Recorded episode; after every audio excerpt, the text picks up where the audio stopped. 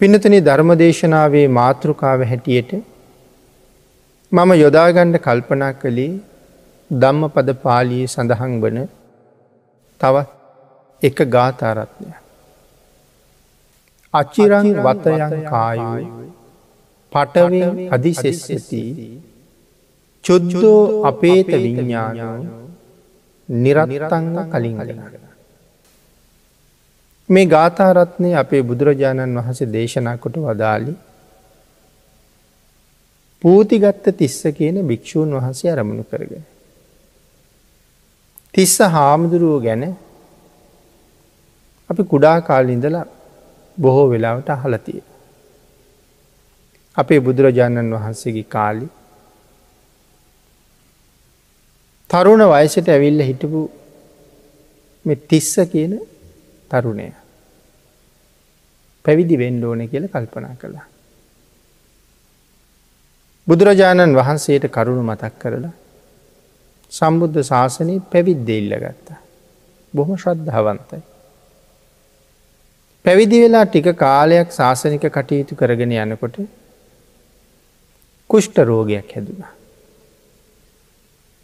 අබෑට වගේ ශරීරයේ පුරාම බිබිලිමතුව. දවසක් දෙකක් යනකොට මුං ඇටවාගේ ලොකුුණ. තවත් දිනක් දෙකක් යනකොට කඩල ඇටවාගේ වුණ. තව දවසක් දෙකක් යනකොට ඩෙබර පල වගේ වුණ. තව දවස් කීපයක් යනකොට නෙල්ලි ගෙඩි වගේ ලොකුුණ. තවත් ටික දවසක් යනකොට බෙලි ගැටයක් වගේ ලොකුුණ. මුළු සරුවාන්ගේ පුරාම බෙලි ගැටවාගේ ගෙඩි.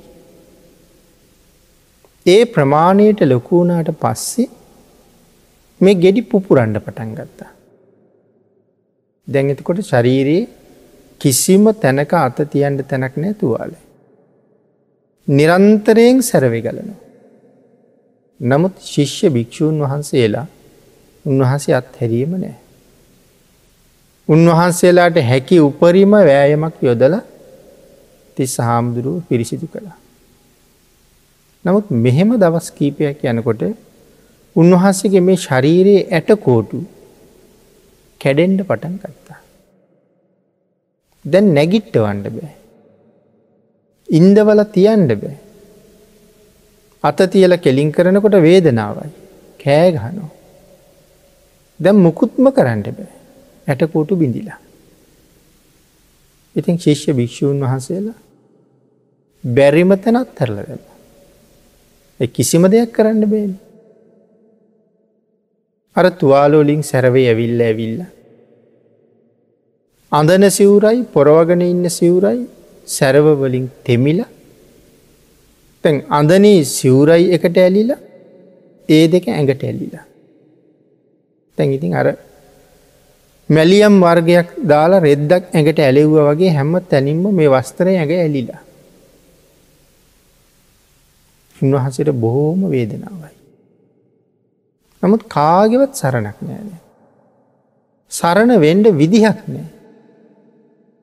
ලොවතුරා බුදුරජාණන් වහන්සේ මහා කරුණා සමාපත්තියට සමවැදිලා දවසකට දෙපාර ලෝක ධාතුව දිහා බලන. උදේට බලනකොට සක්වල මුවවිට ඉඳලා ගැන සක්වල කෙරවලේ ඉඳලා සුගන්ධ කුටිය දක්වාම ක්‍රමාණුකූලුව මුළු සක්වලම බල.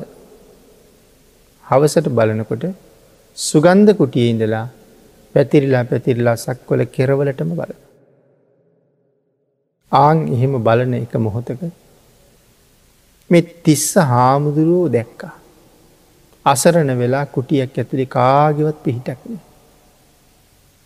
බුදුරජාණන් වහන්සේ විහාර චාරිකාව වඩින වෙලාවි තුස්ස හාමුදුරුවන්ගේ කුටියට වැඩල තිස්ස හාමුදුරුව බලල ගිනිහල් ගෙට වැඩම කරලා පැන් භාජනයක් අරගෙන පැන් උුණු කරා. පැංටික උනුවෙනකොට භාගිතුන් වහස නැවත වතාවක් තිස්ස හාමුදුරන්ගේ කුටියට වැඩල. තිස්ස හාමුදුරුව සැතපිලා ඉන්න ඇඳේ එක පැත්තක් උස්සල ගත්. කෙන හිම ගණ්ඩ ලෑස්ති වුණා. එතකට භික්‍ෂූන් වහන්සේ ලැවිල් අනේ ස්වාමිනි සමාවෙන්න. අපි ගන්නන් අපි ගන්නන් කියලා ඇඳෝසවා ගත්ත. ගිනිහල්ගෙට අරගෙන ගියාට පස්සේ බුදුරජාණන් වහන්සේ පැන් ඇල්මරාගන්න ඔරුවක් ගෙන්නලා පැන්ටික එකට දාලා පැන්ටික නිමල තිස්ස හාමුදුරුවන්ගේ සිවුර ගලවල ඒකට දාලා හොඳට පොඩි කරලා හෝදන්න කිවා.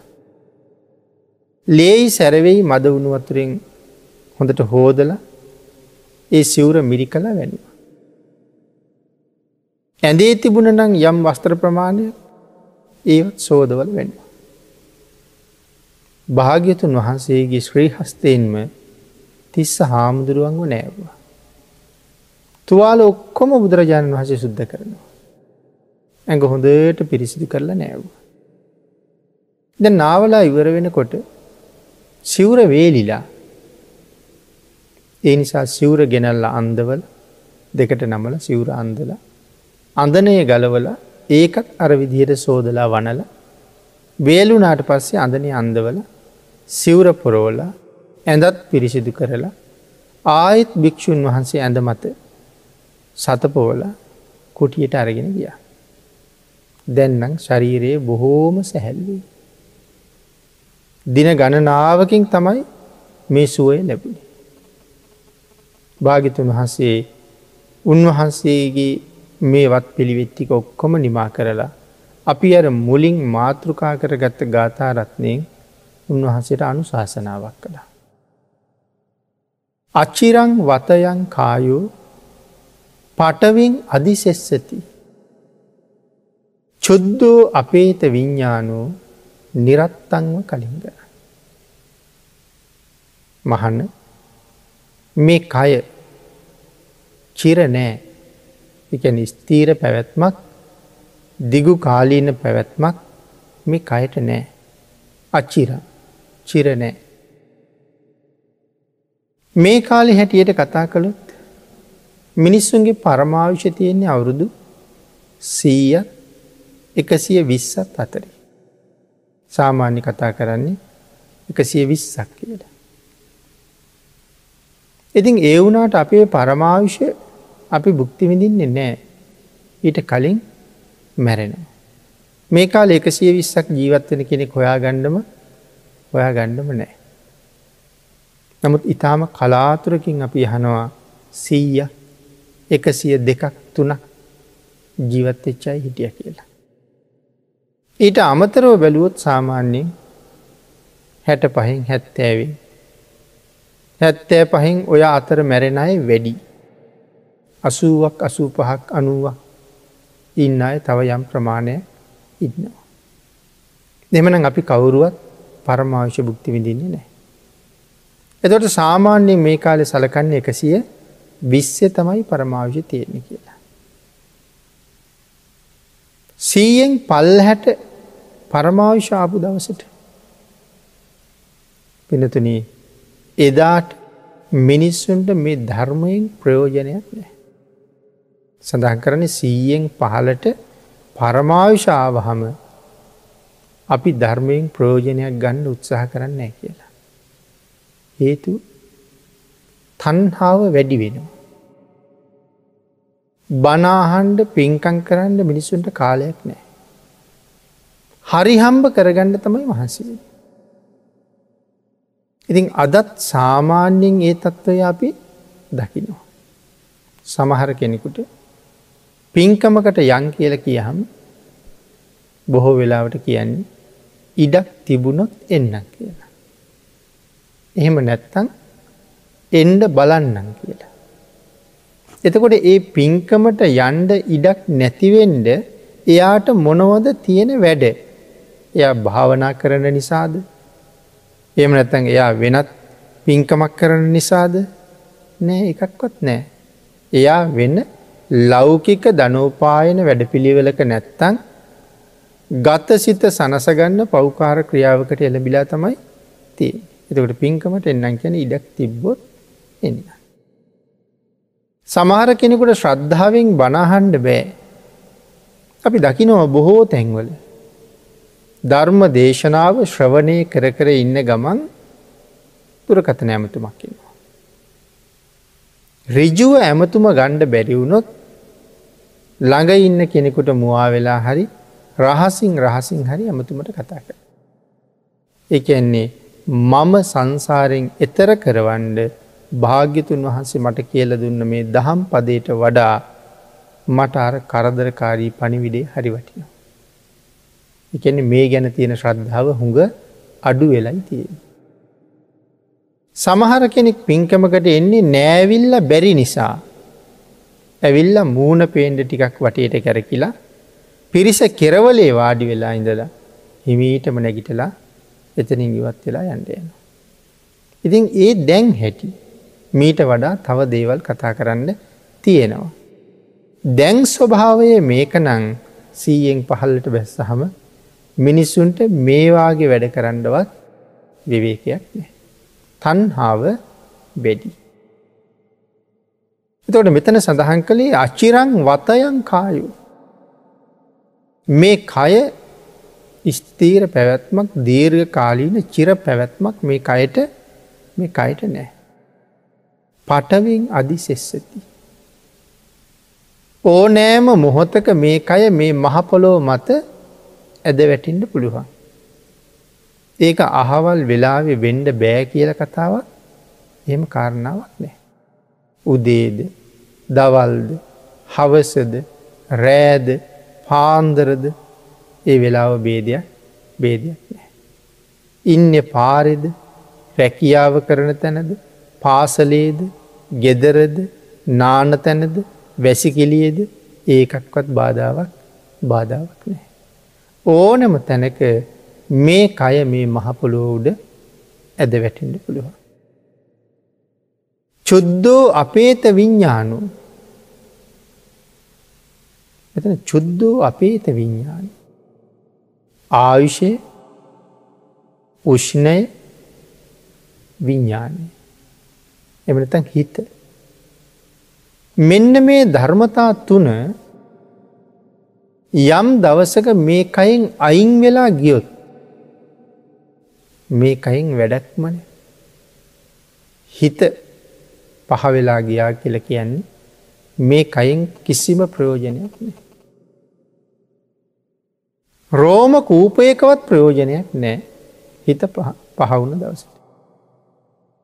හිත පවතින තෙක් තමයි මේ සියලුම ක්‍රියාකාරක. මේ කය ක්‍රියාකාරීව පවතින තාක්කල් අපිට මේ ඇගෙන් හුඟ දේවල් කරන්න පුළුව. හැබැයි හිත නැති වුණ දවසට කිසිම දෙයක් කරන්න බෑ. මේ පංචස්කන්දයෙන් කිසිම වැඩක් නෑ හිත නැති වුණ දවසට. එනම් මේ ඇඟට පූර්ණ වටිනාකම දීල තියෙන්නේ හිත. එනම් ආයු උෂ්ණ විඤ්ඥාන. මේ තුන් දෙනා පහවුනානං මේ කය මහපොලෝ උඩ ඇද වැටෙනවා. චුද්දෝ අපේත විඤ්ඥානෝ නිරත්තංව කලින් කර. වැඩකට ගණ්ඩ බැරි දර කඩක් වලි. මහපොලෝ මත ඇද වැටිනවා. දරකඩින් හුඟ වැඩ ගණ්ඩ පුළුවන්. නමුත් මේක වැඩකට ගණ්ඩ බැරි බැරි දරකඩක් වගේ මහපොලෝ මත ඇද වැටින. කියන කාරණාව බුදුරජාණන් වහන්සේ තිස්ස හාමුදුරුවන්ට මනාව මේ ගාථාරත්නයෙන් පැහැදිලි කරලා ධර්ම දේශනක් කළ. කයේ තියෙන නිසරු බව කයේ තියෙන අනිත්‍ය බව මනාව පැහැදිලි කළා. පිළිකුල් බවත් මනාව දේශනා කළා. මොකද මේ නිසරු බව සහ පිළිකුල් බව. හිත නැති තැන නිසරුයි. පිළිකුල් බව කියල කියහම් කාරණා රාශියක් විස්තර කරනවා. ඇටකෝටු තුන්සීයක් විතර එකතු වෙලා මේ කය හැදිල තියෙනවා. ඒ ඇටකෝටු එකට බැඳිලා කෙලින් කරලා හිටවලා තියෙනවා. ඒ ඇට කෑලි වටේට මස් ගල් වලා තියෙනවා. ඒ මාන්සය වහලා අමු හමක් පොරෝලා තියෙන. අමු හමක් පොරෝලා. තැන් අපිට පිට පැත්තෙන් පේන්නේ ඒ හම රතු හමක් කළු හමක් තලේලලු හම පිඩේක තමයි පිට පැත්තිෙන් පේෙන්. නමුත් ඉතා කුඩා කටුවක් නමුත් අරගෙන මදක් සීරුවොත් ඒ හමට යටින් තියෙන සිවීය මස අපිට දකින්න පුළුවන්. හැබැයි කෙනෙකුගේ ටිකක් ලොකු තුවාලයක් හැදුණු. කවුරුවත් කැමතිද ඒ තුවාලට ඇගිල්ලක් දෙකක් තියල ස්පර්ශ කරන්න කැමැත්තක් එන්නෙමනේ. සෝදන පිරිසිදු කරන අය පවා අඩුවකින් තමයි හෝදයි. වෙන්න කිසි කෙනෙක් ඒකට අත තියන්න කැමති කැමති නෑ. සමහර වෙලාවට තුවාලෙ තියෙන පුද්ගලයවත් කැමති නෑ. තව කෙනෙක් තමම්ම ඒක අත කරයවත් ස්පර්ශ කළත් වෙන කෙනෙක් නම් ස්පර්ශ කරන්න කැමති කැමති නෑ. එතකොට මේ හම ඉවත් උනහම තියෙන සැබෑ ස්වභාවය. නමුත් හම තියෙනකොට එතන ස්පර්ශ කරන්න කැමති. මේ හම මත ස්පර්ශ කරන්න කැමති නමුත් ඉතාම සියුම් ප්‍රමාණයක් යටට කැඩුන හම ස්පර්ශ කරන්න කැමැත්තක් නෑ. පිළිකුල් බවක් තියෙනවා. එතකොට ශරීර අභ්‍යන්තරය එක භාගිතන් වහස එක තැනක පැහැදිලි කළේ අසූචි පුරුවපු කල ගෙඩියක් වගේ කියලා. ඒ තරම්ම ප්‍රසන්නයි. දහස් ගන මේ රෝම කූප ළඟි සිදුරු තියෙනවා. හැම රෝම කූපයක් ළඟම සිදුරක් තියෙන. ටිකක් කය වෙහෙසවහම ඒ හැම සිදුරකින්ම දහදිය මතුවෙන. නිතර කතා කරනවා බාහිරට විවෘත කරපු දොරවල් නමයක් තියෙනවා. රෑදවල් දෙකේම වහන්ඩ බෑ. මුළු ජීවිත කාලෙම ඒ දොරවල් වහන්ඩ වහන්ඩ බෑ. හැබැයි හැම මොහොතකම එයින් එලියට එන්නේ ඉතාම පිළිකුල් සහගත අප්‍රසන්න දේවල්. මේ දොරටු නමයෙන් හතක් පිහිටලා තියෙන වහන්ඩ බැරි තැනක. වෑහෙන්නේ අපිරිසිදු දේවල් නමුත් වහන්ඩ ආවරණය කරන්න බෑ. කෙනෙකුගේ ලස්සනයි කියලකිවේ මුහුණ බලලා. එතකොට මේ අපද්‍රව්‍ය වෑහෙන දොරටු හතක්ම තියෙන්නේ අපිට ලස්සනයි කියල හිතන මුන්ගේ. ඇස් දෙක කන් දෙක නාස්පුඩු දෙක මුකයි දොරවල් හත. බහිශ්‍රාවීය කරන දොරටු දෙකයි දොරවල් නමේ. කවදාවත් වහන්ඩ වහන්ඩ බෑ. රෑදවල් දෙකේම මේ වගේ අපද්‍රවි පිට වෙනවා. දැන් මේ පුද්ගලයා ඉන්න ගෙදරින් එලී දැන් මෙයා ඉන්න රස්සාාව කරන තැන දැන් මෙයා ඉන්න මිනිස්සු ගැවසෙන තැන දැන් ඉන්න බස් එකේ එහෙම හිතලා මේ දොරවල්වලින් එන දේවල් නතර වෙන්නේ නතර වෙන්නේ. එහෙනම් දොරටු නමයක් රෑදවල් දෙකේම වහන්නේ නැතුව ඇරල තියෙන්නේ. ඒ තරං දොරටුවලින් පිට කරන්න අපද්‍රව්‍ය ඇතුළි තියෙන. අං ඒ නිසා කේමා දේවියට කරුණු පැහැදිලි කරන තැන භාගිතන් වහස සඳහන් කළේ මහනෙන මේ අඥ්ඥාන ජනයාගේ එකම පැතුම මේ කහල් ගොඩද කියලා. එකම ප්‍රාර්ථනාව මේ කුණු ගොඩද කියලා. ඒ වෙනුවෙන් මේ ලෝක මිනිස්සු කොච්චර දේවල් කරනවද. ගහගන්න මරාගන්න වෙඩිතියාගන්න කපා කොටාගන්න නඩු හබගයනවා වන්දිගෙවනවා කහල් ගොඩක් වෙනුවෙන් කියලා. එතකට ප්‍රඥ්ඥාව තියෙන කෙනෙකුට තමයි ඒ කහල් ගොඩක් බව වැටහෙන. මනාව දකින කෙන. මේ විදියට සිරුරේ තියෙන මේ නිරර්ථක බව පැහැදිලි කර කර භාගිතුන් වහසේ අනුශාසනාව ඉවර කරහම අර තිස්ස භික්‍ෂූන් වහන්සේ සව් කෙලෙස් නසල රහත් වුණා. උන්වහස පිරිනිවම් පෑවා. බුදුරජාණන් වහන්සේ ප්‍රධානව භාගිතුන් වහසගේ අනුශාසනා පරිදි තිස්ස හාමුදුරුවන්ගේ දේහය ආදාහනය කළ. භාගිතුන් වහන්සේකින් භික්‍ෂූන් වහසල පස්සේ අහනවා ස්වාමීනී තිස්ස කොහෙද ඉපදුනී කියලා. බුදුරජාණන් වහස දේශනා කළ මහනින් තිස්ස වෙන කොහෙවත් ඉපදුන්නේ. තිස්ස පිරිනිවම් පෑවා. භික්‍ෂූන් වහන්සේලා බුදුරජාණන් වහන්සේගෙන් අහනවා ස්වාමීණි භාගිතුන් වහන්සේ මේ ජීවිතයේ රහත් වෙලා පිරිනිවන් පාණ්ඩ තරන් පින් තිබුණ නං එහෙම පුුණ්‍යවන්තයන්ටත් මෙහෙම වෙනවද කියලා. තුවාල හැදිල ඇටකෝටු පුපුරලා පිළිසරණක් නැතුව මේ මහපොළුව උඩ විඳින්ට තියෙන දරුණුම දුක්වේදනා විඳින්ට පුළුහන්ද මේ ජීවිතෙන් රහත්තෙන්ට පුළුවන් අයටත් කියලැහවා. එතකොට පින්නතුන ඒ ප්‍රශ්නය අද සමාජ මිනිස්සු ගව නැද්ද. සමහර කෙනෙක් තරුණ වයසි අසනීප වෙනවා. එක්ක පිළිකා හැදෙනවා. නැත වෙන මොනොහරි අසාධ්‍ය රෝගය. ඉති රෝහල් ගත කරලා මාස ගණන්න්න. අපිට ඇහෙනව සමහරයි කියනවා. අනේ මේ ජීවිතේ නම් කුරා කූඹුවෙක්වත් මරලනෑ. බොහෝම හොඳට ජීවත්වෙච්ච කෙන. එහෙම අයටත් මෙහෙම වෙනවද කියලා සමහරුවහන්. සමහරයි හිතන මං හොඳට සිල් ගත්තා. මං හැමදාම වගේ භාවනා කළා. මං මේ මේ විදිහට දන්දුන්න. එහෙම කරපු මටත් මෙහෙම වෙනවද කියලා කතා කරන ඉන්න. චෝදනා කරන අයත් ඉන්න මෙච්චර කරලත් මෙහෙම වෙනවනම් ඔව්ව කරන එක තේරුමක් තියෙනවාද කිය. ඉතින් එතකොට ඒ කාරණාවම නේ දරභික්‍ෂූන් වහසලට ඇහුවේ. මෙච්චර තැනකට එන්ඩ පුළුවන් පින තිබිලත් මේවාගේ වෙන්න පුළුහන්ද. එනම් අපිත් අදහනවා මෙච්චර පින්කං කරපු අයටත් ඔහොම වෙනවද එතකොට ඒ ප්‍රශ්නය අලුත් එකක් නෙමෙයි හුඟක් පරණ ප්‍රශ්නය. භාග්‍යතුන් වහන්සගේ කාලි භාග්‍යතුන් වහන්සේගෙනත් අහල තියෙනවා එහෙම වෙන්න පුළුවන්ද. ස්වාමීන් ඒකට හේතු මොනවද කියල හවා. නැවතාතීත කතාවක් පැහැදිලි කළා. මහනිනි මොහු පෙර වැද්දෙක් කුරුළු වැද්දෙ. දැල්ලාම් පන්න අරගෙන ගිහිල කුරුල්ලු අල්ලනවා. පෙර භවයක.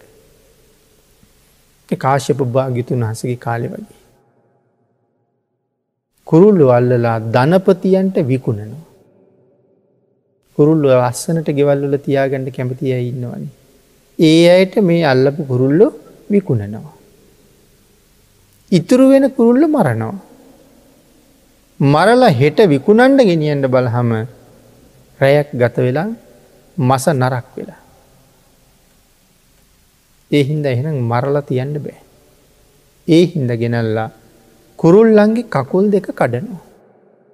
සාමාන්‍යෙන් කුරුල්ල ඉගිල්ලෙන්නේ පාද දෙකෙන් වාරු අරගෙන ඉහලට පැනල තමයි ගිල්ලෙන්. ඒ හින්ද පාද දෙක කඩනවා. එතකොට එයට ඉගිලෙන්ඩ බෑ. තටුවලත් තටු ඔල තියෙන ඇටකෝටුත් පොඩි කරනවා. තටුත් කපලදාන.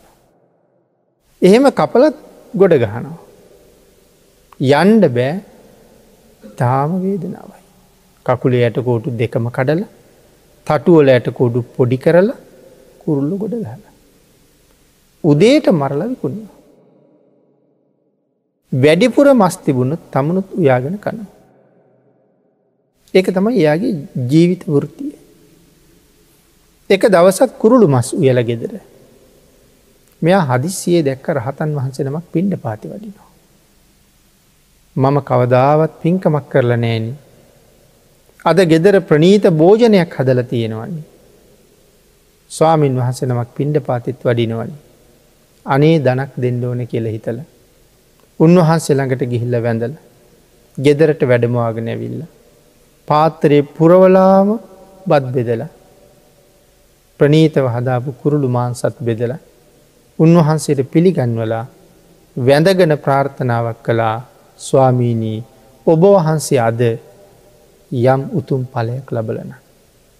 මතු යම් දවසක ඒ උතුම් පලය ලබල සැනසෙන්ඩ මටත් මේ දානානි සංසේ හේතු වේවා කියල ප්‍රාර්ථනා කළ.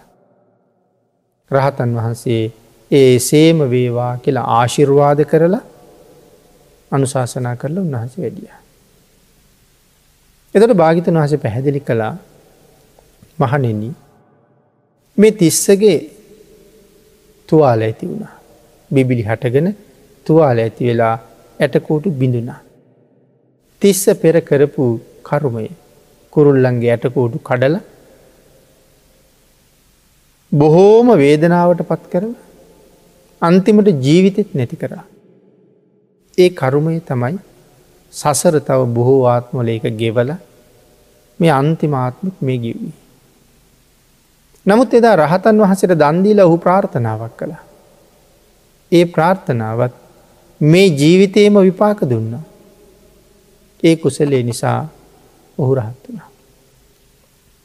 කියන කාරණාව බුදුරජාණන් වහස පැහැදිලි කළා. ඊළඟට පින්නතුන අපි කල්පනා කරන්න ඕන බුදුරජාණන් වහන්සේගේ සරණ ලැබෙන්නේ කොහොමද. අපි බලාපොරොත්තු වෙන විදිහට බුදුරජාණන් වහන්සේගේ සරණ අපිට ලැබෙනවද. ගොද හුඟාක් අය සමහර වෙලාවට ගොඩක් පින් කරලා පස්සේ හුඟක් පව් කරගන්න. මම මෙච්චර මෙච්චර දේවල් කලා චෛත්‍යවල් හැදුව. බුදු පිළිම හැදුව මේ නොයෙක් දේවල් කරලා. පස්සේ එක්ක වකු ගඩු නරක් වෙලා. එම නැතන් වෙනත් රෝගය නැත්තම් පිළිකාව ඉතාම වේදනා බලයි. නමුත් හිතනවා මෙච්චර දේවල් කළා. කෝමට පිහිට කෝමට සරණ සමහරලට ධර්ම දේශනාවකින් ඒ ගැන කියනකොටත් තව කෙනෙකුට කියල බනින්න පුළුවන් ඔය කියනව බොරු ඔය කියන විදිහට පිහිට ලැබෙනවනං මේ ලෝකෙ උසස් පිහිටක් ලබන්ඩ කෙනෙක් මම කරලා තියෙන වැඩෝල හැටියට කියලා. නමුත් භාගිතුන් වහස පැහැදිලි කරලා දුන්න මහනෙන. මේ ජීවිතෙන් රහත්වෙන්ට පින් තිබුණට සසර කරපු අකුසල් ටික. ඒ ටිකට කවුද වග කියන්නේ. මෙතන වාඩි වෙලා අපි පින්නතුන් බණහනවා. මම ධර්ම දේශනාව කරනවා. අපි මේ ඉන්න සුගතියක. අපි මෙතෙන්ට ආවේ අපායට යන්ට හේතු සිද්ධි නැතුවමද. පෙරේත ලෝකයන්ට හේතු සිද්ධි නැතුවමද. තිරිසං ලෝක අසුර ලෝකයන්ට හේතු නැතුවමද හේතු තිබුණ. මේ වෙනකොටත් නිරේ ඉන්න තිබ්බා.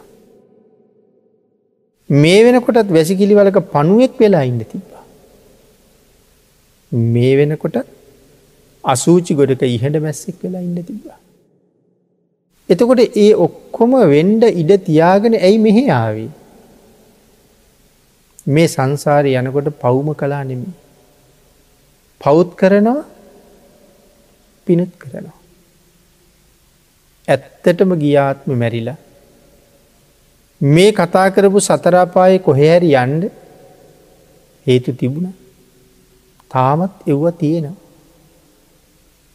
හදිසියේම ඒ හරහට ආපු වෙනත් කරපු අකුසල කර්මයක් නිසා යන්ඩ තිබිච්ච පැත්ත වැලකිලා අපි මේ සුගතිය පැත්තට හැරිලතිීම. දැන් මනුස්සලෝක ඉපදිලා ඉන්නවා. හැබැයි අවීචයේ යන්ඩ පව් එක පාරක්න මේ සිය දහස් ගණන්වාරවල අවීචයේ යන්ඩ පව් අපේ තවම තියෙනවා. ඒ පව් කන්ද අපිට පේන්නේ නෑ.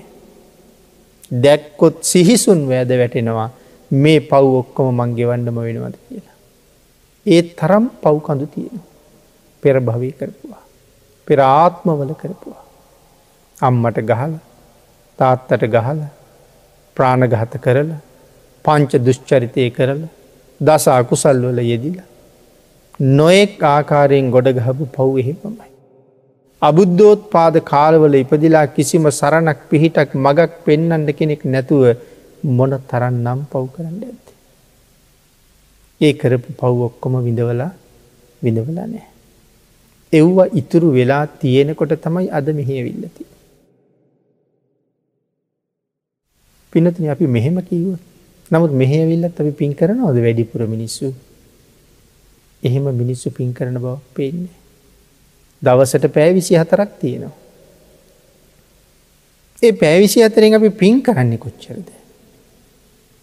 කෙනෙක් සමහර විට කරලා තියෙන්නේ හැන්දෑවට පෑභාගයක් බුදුන් වදින එක විතරයි. පැෑ විසි හතරටම කරලා තියෙන්නේ පැය භාගයක් බුදුන් වඳ දවස් දෙකක් ගියොත් පැය හතලිස් හතක් තිස්සේ පව් කරලා එක පැයක් දවස් දෙකටම බුදුන් ඇඳල තිය. ඉතින් ඇද එතකොට පැය හතලි සතක්ම පව් කරලා පැයක් බුදුන් ඇඳල තියෙන. ඇද්ද සංසාරින් එක්තරවෙන්ට. හැබැයි හතලිස් පැය හතලිස් හතට වඩා මේ පැය හරි ප්‍රබලයි නමුත් ඉතින් වැඩිපුර කෙරිල තියෙන්නේ අකුසල්න්නේ. ඒ කරපු අකුසල් ඔක්කොම ගෙවන්ඩ ඕනෙන. එහින්ද අපි පින් කරන ප්‍රමාණය හොඟ අඩුයි. පව්කඳු එහෙම්මමයි තවත් මොකද කරන්නේ. තවත් කරන්නේ ඒ පව්කන්දම වර්ධනය කරන එක. නමුත් අපි කළ යුත්තේ කළ යුත්තේ ඒ කන්දට විරුද්ධව කුසල් කන්දක් රැස් කරන එක. නමුත් ඒක සීයට අනුවකගින් වෙන්නේ නැති වැඩ. ජීවිත අනතුර එහෙම්මමයි. තැන් හිතන්නකු අපිට ආරංචි වෙනවා ගං වතුරක් කෙනවා කියලා. වහාම පල්ලහැඉන්නට අයින් වෙන්න කියනවා.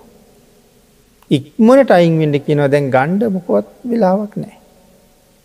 සල්ලි මිල මුදල් ටික තියෙනවනගේ ඒකයි රංග්‍රදී මුතු මැනික් ටික තියෙනවනගේ ඒකයි දරුමල්ලු ටික අරගෙන ලිට බයි. මෙතෙක් කල් හම්බ කරපු ඔක්කුමාරගේ ඇතුළි. හැබැයි ඊට වඩා ජීවිතයේ වටිනවා තවත් ඔය වටින කියන දෙයක් අතට අහුවෙන දෙයක් විතර අරග. දැන් අරගෙන කොහාට දුවන් නෙමේ. බේරෙන්ඩ පුළුවන් තැනක් හොයාගෙන. හැමෝම යනවා බේරෙන්ඩ තැනක් හොයාගෙන. ගං වතුර ඇවිල් අරොක්කොම අරංයනවා. සුලි සුළඟක් එනවා කියලා ආරංචියනවා. පුදුම සූදානමක් දැ. පහුගේ කාලෙත් එහෙම තිබුණ. අපි දෙක්ක වැලි කොට්ට අරගෙන වහල උඩ ගිහිල්ල වහල උඩ තියලා සූදානන් වෙන වහල හුළගයයි කියලා. මේ ජීවිත අනතුරෙන් බේරෙන්ඩ සූදානන් වෙන. සුලිසුල ගෙනකොට කීව දැන් අහවල් තැන. තව පැයකින් රටට ඇතුල්ලෙනවා. තව පැයි භාගකින් ඇතුල්ලෙනවා. දැන් අහවල් පැත්තිෙන් ඇතුල් වුණා හැමෝම සූදාන. ඉතින් මේවාගේ අනතුරක් එනවා කියනකොට අපි සූදානන්න. ඒ වනට පිනතින ඔය ඔක්කොට මොඩා තියෙන ලොකුමානතුර තමයි මරණය. සුලිසුලන් එනකොටත් ගංවතුරේනකොටත් ලැව්ගිරියෙනකොටත් අපිට කියනවා. දැම් මේ මරණයත් කිය කියා දෙන්නේ. තැන් අරදේවල් නම් කියන නිසා සූදානන් වෙනවා. වැඩේ කියන්නේ මරණය එනකොට කවුරුවත් කියන්නේ. සූදානමක් ඇත්තෙම නෑ අන්තිමට සූදානන් නැතුවම හැඩේ. එහෙනම් දැම් මොකද කරන්න වෙන්න. හැම වෙලාවෙම සූදානන් වෙලා ඉන්ටව. ජීවත් වෙනවා කියල කියන්නේ මරණයට සූදානන් වෙනවා. හැබැ මිනිස්සු ගාව නැත්තෙම මරණයට සූදානන් වී. අඩුම ඒක. සමහර කෙනෙක් ඉගෙන ගන්නවා. දරුවෙකුට අපි උගන්නනවා. දරුවගේ හිතට දීල තියෙන පුංචි කාලින්දල ඉංජිනේරුවෙක් වෙන්ඩුවන. වෛද්‍යවරයෙක් වෙන්ඩුවන. දරුව ඒ ඔස්සේ යනවා. තැන් එයා විශ්වවිද්‍යාලට යනකං ගිහිල්ලා. තැන් එයාගේ කල්පනාව තව අවුරුදු හතරක් විශ්වවිද්‍යාලෙත් ඉගෙනගෙන අවශ්‍යනං තවත් විශේෂ අවුරුද්ධකුත් විශේෂ විභාගයක් කරලා වෛද්‍යවරයෙක් ඉංජිනේරුවරයෙක් වෙලා රස්සාවත් කරලා ගෙවල් දොරෝලුත් හදල ආවාහ විවාහත් වෙලා දූදරුවොත් හදාගෙන වයසට ගිහිල්ල මැරෙන්ඩ තමයි කල්පනාව. ඇත්තටම කෞුද දන්න වයසට යනකං ඉදීද කියලා. විශ්ව විද්‍යාලි පළවෙනි අවුරුද්ධ මැරෙන්ඩත් පුළුවන්. පත්වීම අරගෙන එනකොට මැරෙන්ඩත් පුළුවන්. ඉස්සරලම වැඩ භාරගණ්ඩ යන දවස මැරෙන්ඩත් පුළුවන්. දැන් ඉතින් මේ වෘතිය වෙනුවෙන් යෙදුන මිසක් මැරිලා යන්නේ කොහටද වෙන්නේ? මොකක්ද කියන එකට සූදානන් වෙලාම? වෙලාම නෑ. පෙර තිබුණනං පින් කොටසක් මෙහෙ ඉපදිලා ගෙවාපු කාලි ඒකත් වියදැන් කරලතිය. මේ ලස්සන රූපතියෙන් ඔය හොඳට ඇඳලයින් යාන වාහනෝල යන්න. ගෙවල් දොරවල් තියෙන්නේ. හොඳට රසට අනුභව කරන්නේ. මේ මොනවද ඔක්කොම. මේ ඔක්කොම තියෙන්නේ පෙර පින් විය දැන් කරන්න. අපිට හිතෙන්නේ සල්ලි දීලන හොඳට කෑවේ කියලා. ඉතින් හොඳට ආහාර වේලක් ගන්න දෙන්න සල්ලි කොහෙන්ද. ඒ සල්ලි හම්බ වනේ පෙරපින නිසා. එනම් මෙහාට වෙලා කරන්නේ පෙර කරපු දෙයක් ඇත්තන් ඒක බුක්තිවිෙන. පව්කන්ද වැඩි කරනවා. නමුත් කළ යුත්තේ තව තව තව තව කුසල් රැස් කරන්න. ඕන තරම් පව් කරපුවා තියෙනවා. එහින්ද කුසලයෙන් පෝෂණයට වෙන පෝෂණය වෙන එක තමයි කරන්න ඕනේ ඉතින් කුසල් රැස් කර කර ඉන්න අතරේ හදිසියේ අකාලෙ මැරෙන්ඩ පුළුවන්. එතකොට කෙනෙක් අහනවා මෙච්චර පින්කර කර ඉඳලත් ඇයි මැරුණ කියන. ඇයි පෙරාත්මෝල කරපු සීමාවක් නැති ප්‍රාණගහතවල විපාකව දෙනවනේ. මේක තමයි සුගතියේ පුදන හමතින වටිනාකම පෙරකරපු ප්‍රාණගහතය නිසා අවුරුදු තිහෙකින් මැරෙන්ඩ පුළුවන්. නමුත් හරියට සත්පුරුෂයෝ මුණ ගැහිලා අපි කුසලයට යොමු කෙරුවොත් අවුරුදු තිහක් අවුරුදු විසි පහ පින් කරගණ්ඩ ලැබුණ. අකාලි මැරෙන බව ඇ. හැබැයි තවා කුසල් තියෙන. ඔය සුරාපානය වගේ කරහම්. නිරය ගිහිල්ල දුක් විඳල නැවත මනුස්ස ලෝක උපදින හම කොහොමද වෙනවා කීවි. මන්දගාමි මන්දබුද්ධික උම්මත්තක. භාගිතුන් වහන්සේ මේ සිල්පද පෙළගස්සෝල තියෙනෙක් ප්‍රමාණුකූල. ද මේ කතා විදී ප්‍රාණ ගහත විපාකයට වඩා සුරාපාන විපාකය බලවත්. ඇයි ප්‍රාණගහත කරපු කෙනා නිරේක දුක්විඳලා මනුස්සලෝක ඉපදිලා අවුරුදු තිහක් ජීවත්වෙනවා. අපි කියමුක තිහෙම මැරෙන්න කියලා. අකල් මරණය. නමුත් බුද්ධෝත් පාදයක සම්මාධිට්ටික ඉපදනොත් සත්පුරුෂයෝ මුණ ගැහුණොත් අවුරුදු විසි පහක් තිහක් පින් කරන්න පුළුවන්. නමුත් බුද්ධෝත් පාදයක සත්පුරුෂයෝ අතරම සුරාපානය කර කර නිරේඉඳ ලැවිල්ල ඉපදිලා. උම්මත්තකෙක්කුණ. අවුරුදු සීයක් ජීවත් වනත් වැඩක් තියෙනවාද. මන්ද බුද්ධිකයෙක් වෙලා අවුරුදු සීයක් ජීවත් වනත් වැඩක් තියෙනවාද. එන අරට වඩා බර බලපත් බව අපිට ඒකින් පේලා. බුදුරජාණන් වහන්සගේ කරුණාව අපි හිතන තැන නෙමෙයිතියි. අපි දන්නවා චත්තමානවක ගුරු ගෙදරට ගුරු පඩුරු අරගෙන යනකොට මගදි මැරෙන බව. හොරු ගහල මගදි මැරෙනවා. නමුත් චත්තමානවකට මගදි බුදුරජාණන් වහන්සේත් මුණ ගැහෙන. චත්තමානවක බුදුරජාණන් වහන්සේට වැඳල තුනුරුවන් ගුණ ඉගෙනගෙන බුදුන් සරණ යනවා. චත්තමානුවක ගුරු ගෙදර යන්ට පිටත්වෙනවා භාගිතුන් වහසේ අප විහාරයට වඩින. බුදුරජාණන් වහන්සේ දන්නේ නැද්ද චත්තමානුවක මඟ මැරෙන බව දැනගනයි වැඩී. හැබැයි චත්තමානුවක දන්නවද මඟ මැරෙන බව. එනම් භාගිතුන් වහස කිවද චත්තා දෙයන් දෙපා මග හොරු ඉන්නවා පස්සෙ වෙලාවක යන්ඩ නැත්තම් පිරිසක් එක්ක යන්ඩ එහෙම මුකුත් දේශනා කලාන්න. දැ බාණ්ඩක චත්තර වෙච්ච පිහිටි හැටි.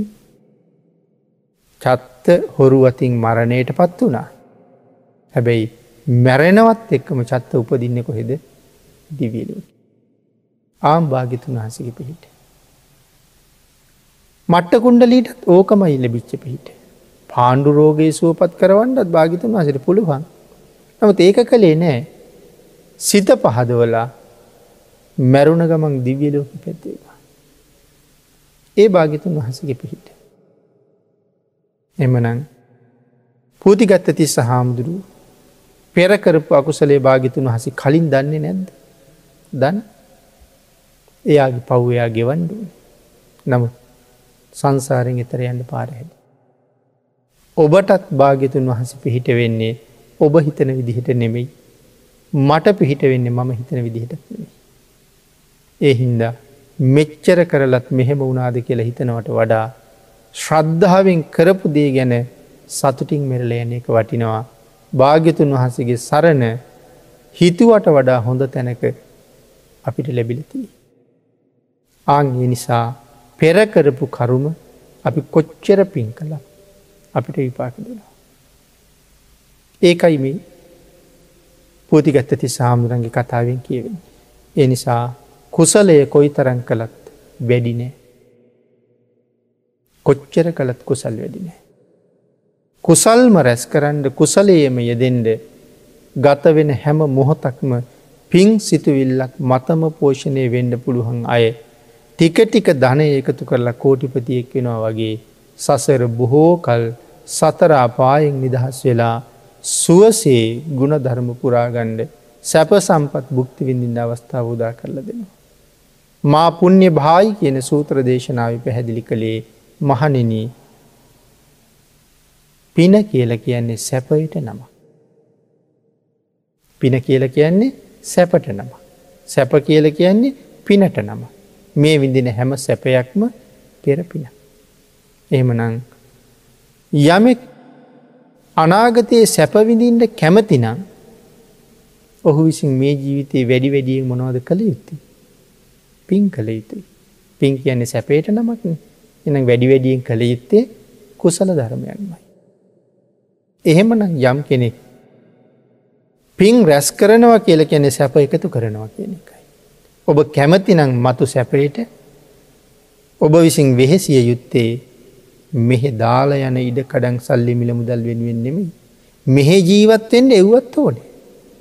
ඒ දේ කරන අතරේ මතු යහපත වෙනුවෙන් වැඩි වැඩියෙන් පින්කං කරගණ්ඩ ලැබිච්ච ශ්‍රේෂ්ඨ මනුස්ස ජීවිතයෙන් තමන්ගේ මතු අනාගතයට සාධහරණයක් කරගණ්ඩ මේ බුද්ධාන්තරයෙන් පල නෙලන්ඩ ඔබ සියලු දෙනාටම භාගිතුන් වහන්සේගේ ආශිරවාදයෙන් ශක්තිය දහිරිය භාග්‍ය වාසනාව උදාවේවා කියලා ආශිරවාද කරනවා.